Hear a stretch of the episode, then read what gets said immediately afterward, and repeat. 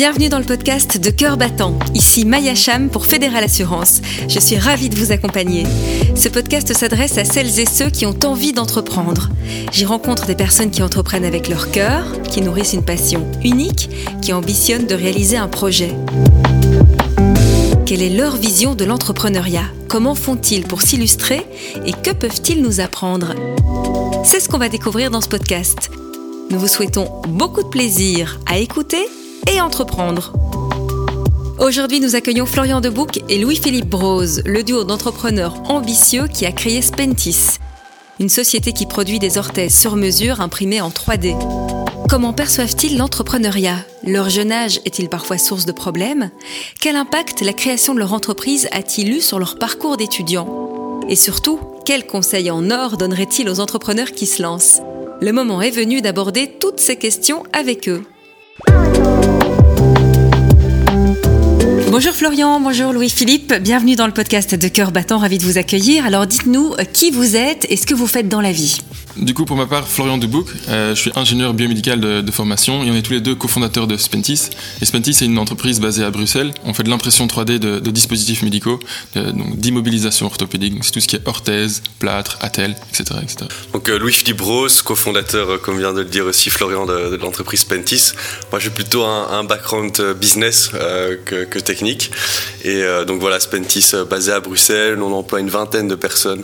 Aujourd'hui, on est actif dans une dizaine de pays en Europe et en dehors de l'Europe. Et comment est-ce que vous vous êtes rencontrés tous les deux? Flo et moi, on se connaît depuis, euh, depuis la secondaire. Euh, depuis, qu'on a 10 ans environ. Euh, donc là maintenant ça va faire 16 ans parce qu'on a 26 ans. Donc, je, suis doué en maths comme vous pouvez le voir. Et donc, ça fait une, longue histoire, mais on se connaît du coup depuis pas mal de temps. Et depuis quand est-ce que vous avez su que vous aviez envie d'entreprendre ensemble? Depuis qu'on se connaît, on, avait vraiment envie de lancer un projet ensemble, que ce soit une entreprise, que ce soit un projet d'à côté, ou peu importe. Mhm. Euh, et donc, pendant toutes nos humanités, on discutait un peu de qu'est-ce qu'on voulait faire plus tard, une entreprise, etc. etc. Et puis on a lancé, euh, quand on avait 17-18 ans, on a lancé deux, petits projets, des mini-entreprises euh, en humanité super belle expérience qui n'a pas du tout euh, pas du tout fonctionné. Euh, mais, mais c'est pas grave on a beaucoup appris. C'était une expérience c'était une belle expérience exact. Et puis après pendant les, allez pendant l'université on, on s'est un peu séparés. Euh, lui il est parti du coup faire des, études de, de, business mm. à Bruxelles et puis à l'étranger en Thaïlande. Et, pour ma part je fais plus des, études techniques donc ingénieur à, à, Bruxelles aussi. Et puis après à, à, Milan en Italie. Donc on s'est vraiment perdu de vue pendant quelques années et on s'est retrouvés quand on avait 21, 22 ans, et c'est à ce moment-là en fait qu'on a démarré euh, Spentis, on a brainstormé, on a discuté, et on, s'est dit qu'il était temps en fait de, lancer notre projet comme on l'avait toujours rêvé. Il était temps, alors que vous étiez déjà si jeune. Waouh, c'est impressionnant. Euh, quel genre d'entrepreneur euh, êtes-vous, si vous deviez vous décrire en tant qu'entrepreneur? Ah, c'est une très bonne question. je crois qu'on est complémentaires, donc ça c'est par rapport à nous deux. par rapport à comment les gens devraient nous percevoir ou nous perçoivent. Je crois qu'on est des entrepreneurs, qu'on est très, euh, très ouverts. Euh, on essaye vraiment de ne pas être trop directif dans notre façon de, de manager ou de l'idée. On essaye vraiment d'inspirer les gens avec la passion et l'énergie qu'on a et faire en sorte que par eux-mêmes, ils vont essayer euh, d'épouser notre vision des choses et partager la même énergie et la même passion qu'on a pour notre projet entrepreneurial. clairement, le, mot passion est, super bien choisi, je trouve.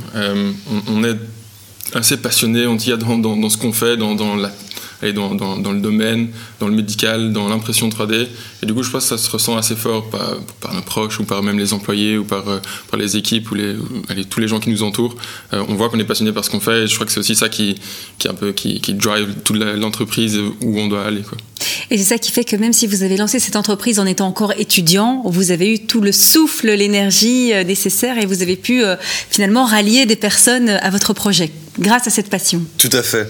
Donc on a fait ça, comme vous dites, pendant nos études. Je crois que c'était en Master 1, on a, on a commencé à une phase d'idéation, comme on dit, et puis en Master 2, on a vraiment euh, créé euh, du coup la structure Spentis SPRL.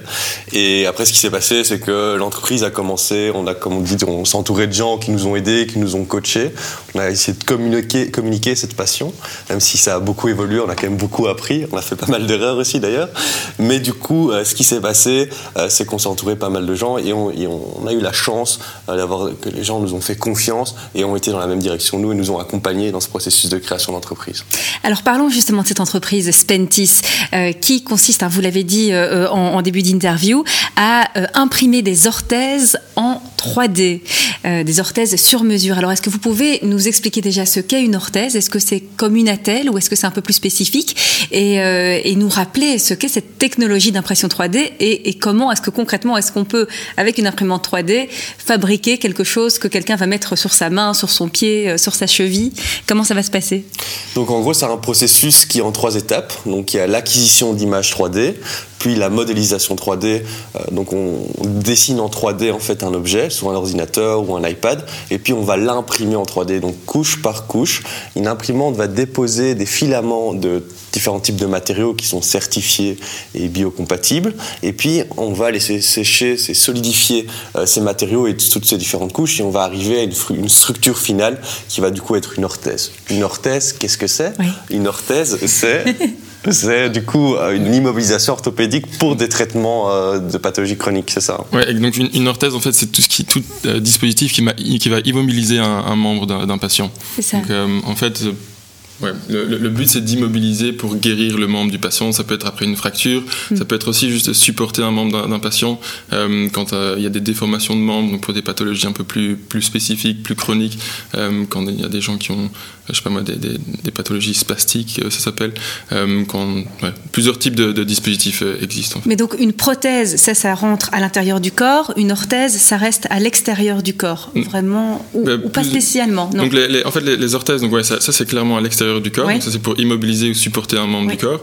Les prothèses, c'est en fait de remplacer un membre. Ça, ah peut être du coup à l'intérieur du corps ou aussi euh, juste, par exemple, quand on a perdu un bras bien sûr, effectivement. Euh, un, pied, on a en fait un nouveau pied.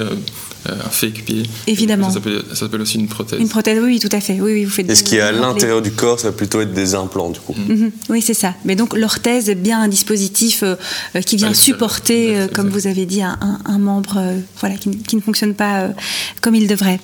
Euh, alors, comment est-ce que vous êtes tombé finalement dans ce bain médical alors que ni l'un ni l'autre, vous avez des formations ou un parcours euh, issu du monde médical? Pas du tout. Comment est-ce que vous êtes arrivé là-dedans finalement? On n'a pas des gens autour de nous spécifiquement qui sont chirurgiens orthopédiques ou qui sont docteurs. Mmh. Euh, comment ça s'est fait? En fait, c'est notre passion pour les technologies 3D et notre envie du coup de créer cet impact sociétal.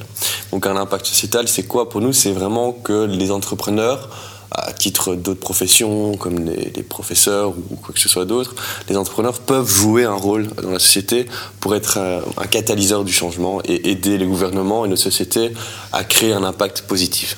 Parce qu'on a tellement de challenges à relever aujourd'hui, que ce soit dans la mobilité, que ce soit dans l'alimentaire, dans l'énergie ou le médical. Aujourd'hui, euh, Spentis en fait se veut être ce catalyseur de changement dans l'orthopédie et dans ce monde médical. Et donc on a essayé d'allier cette envie de créer un impact sociétal avec euh, notre passion pour les technologies 3D, ce qui a résulté en la solution Spentis je crois qu'il y a plein plein d'opportunités euh, et du coup que les entrepreneurs en fait voient ces opportunités et, les prennent et puis les, font que ces opportunités ça, ça doit être une réalité euh, et c'est un peu ce qu'on a fait justement avec Spenty c'est qu'il y avait un peu un bridge entre mhm. le, le, monde médical et puis les technologies un peu plus compliquées des, technologies 3D euh, les médecins en fait voient des opportunités mais par contre c'est un peu complexe de eux-mêmes développer toute une solution euh, avec les technologies 3D. Donc il manquait un peu un, partenaire ou il manquait en fait une, personne entre les deux, entre la partie technique et la partie médicale. Et donc Spentis se veut justement un, un technology provider, donc vraiment apporter une solution euh, euh, dans le monde médical, une solution pour faire des, orthèses sur mesure. Alors justement, j'ai lu dans une interview que vous aviez un double effort commercial à fournir finalement parce que vous deviez convaincre à la fois les chirurgiens orthopédiques de prescrire l'orthèse, la telle, euh, mais aussi les bandagistes prothésistes d'utiliser votre solution. Donc ça, quand même, vous êtes effectivement le, maillon, euh, le chaînon manquant, le, maillon entre tous ces, acteurs, mais il faut aussi du coup convaincre plus d'acteurs que d'autres entreprises qui proposent d'autres produits. Donc ça, c'est peut-être un challenge supplémentaire pour vous. C'est ça, c'est un double challenge à ce niveau-là. Mais après, il y a plein d'autres aspects qui font aussi que ce soit compliqué. Il faut qu'on prêche la bonne parole avec Spentis parce qu'on est sur un, voilà, même un secteur d'activité qui n'a pas énormément bougé ces dernières années avec des technologies très traditionnelles, avec une façon de travailler qui est la même depuis des décennies. Et ici, on vient avec une solution, comme on dit en anglais, disruptive. et donc, il faut essayer de vraiment convaincre ces gens, de leur dire, OK, vous avez changé votre façon de faire, mais c'est bien positif pour votre profession et surtout pour vos patients. L'enjeu pour Spentis, c'est vraiment que c'est une technologie qui est innovante. Mhm. Et on est sur un marché où les orthopédistes, les orthésistes, ils ont leur rituel depuis des années, ils ont leurs habitudes de travailler depuis des années. Et donc on vient avec une, une solution disruptive, et donc, comme on dit en anglais, et il faut faire en sorte soient quand même d'accord mm. de, changer leur façon de faire, euh, d'épouser ces nouvelles technologies. Et donc ça, ça demande vraiment euh, euh, de prendre le bâton du berger et d'aller prêcher la bonne parole, comme on dit chez nous. du coup, c'est un énorme challenge. Hein. C'est un énorme challenge à chaque fois faire des meetings qui sont vraiment pas faciles, qui sont même plutôt très compliqués, convaincre des gens qui sont pas spécialement convaincus, ou en tout cas leur montrer les, bienfaits du, 3D, de la technologie, des orthèses. Allez, il y a des gens, évidemment, il y a toujours des, gens qui, sont. Oh, c'est déjà pris des claques, hein. des portes dans, la tête, hein, ça c'est sûr. Hein. il y a toujours des, gens qui, aiment bien quand même euh, aller tester des, des, choses mm. innovantes. Et donc, cela, c'est toujours des, vraiment chouettes meetings où on, convainc assez rapidement et ils voient en fait super rapidement de, allez, les bienfaits du, du, 3D.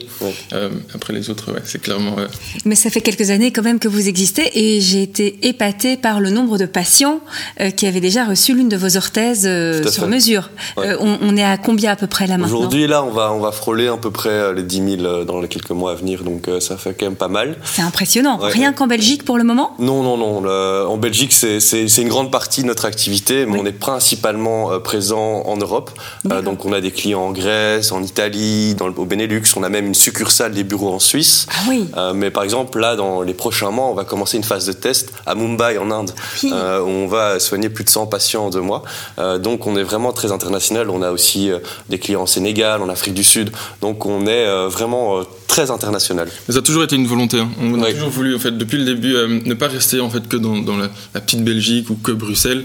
Il y a des patients tout autour du monde, il y a des médecins tout autour du monde, et donc du coup, autant aller contacter plein de gens un peu partout pour justement faire grandir le projet le plus rapidement possible aussi euh, et avoir des feedbacks, des retours du marché, euh, tester des technologies, voir un peu s'il n'y a pas d'autres opportunités aussi euh, autre part. Mais donc concrètement, vous proposez le logiciel qui permet de scanner le membre du patient, j'imagine.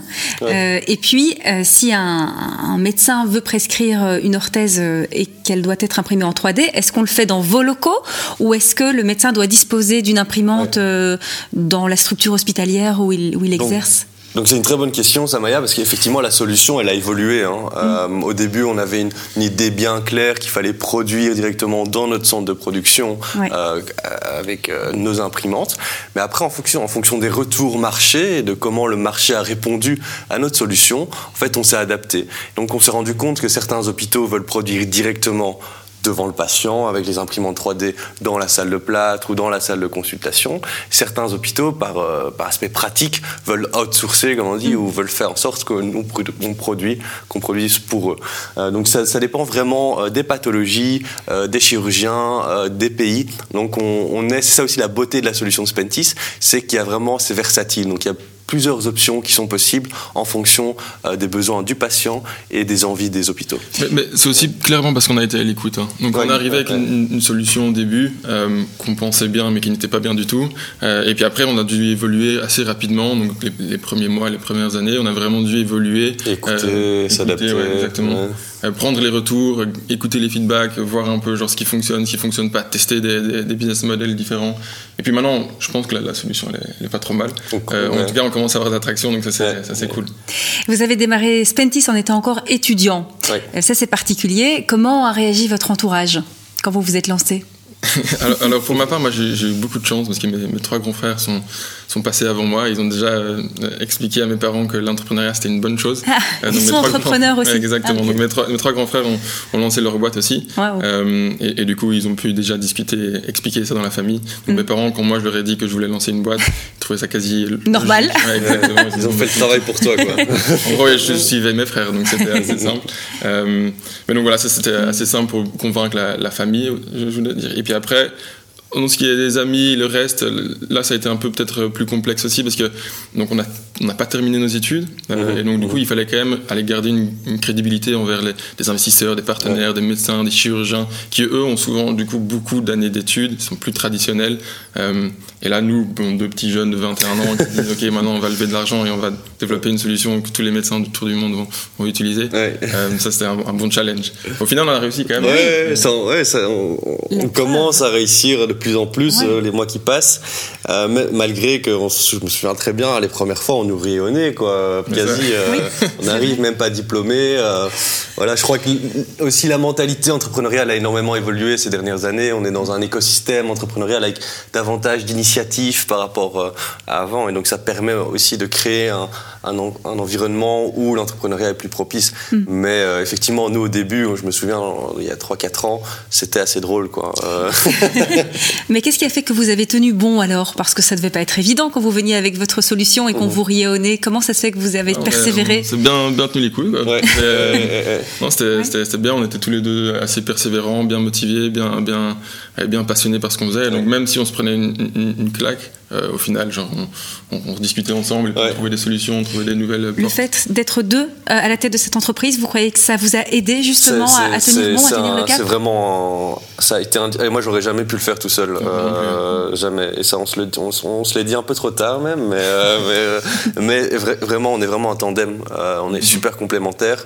Et parfois, quand il y en a un qui est un peu plus down et qui dit ok, là c'est difficile, claque sur claque, et puis on a qui dit mais regarde tout ce qu'on a accompli. Donc ça c'est vraiment un luxe d'avoir euh, mhm. d'être à deux pour pouvoir euh, s'aider euh, et pouvoir vraiment avoir cette dynamique. et donc ça c'est indispensable. En tout cas moi je, je pourrais pas tout seul. Quoi. Ouais, non, clairement, moi non plus. comme il dit, il y a toujours des moments down. c'est bien quand on est deux, en fait, on peut, on peut avoir nos moments down un peu genre séparés. Et comme ça, genre, il y en a un qui est down, il y a l'autre qui est, qui est bien motivé, qui aussi. Il y a, il y a, des, il y a des, des, présentations à faire, il, y a, il faut motiver les, les équipes. et du coup, quand il y en a un qui est un peu moins passionné ou un peu moins dynamique, l'autre peut prendre le, relais. Quoi. Mhm. Mais parlons de vos équipes justement. Vous avez une vingtaine de personnes qui travaillent maintenant pour Spentis. Tout à fait. Euh, c'est quand même déjà une, fameuse boîte du coup. Oui, une grande euh, famille. Une grande famille. euh, Est-ce que vous diriez que, que gérer euh, cette équipe, c'est justement, ça fait partie d'un de vos grands défis en tant qu'entrepreneur? Ah, Vous avez mis les, yeux dessus, la Maya.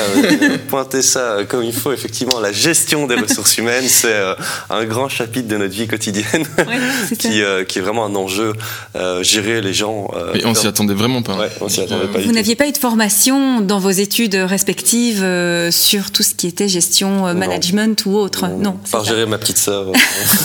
c'est déjà pas mal.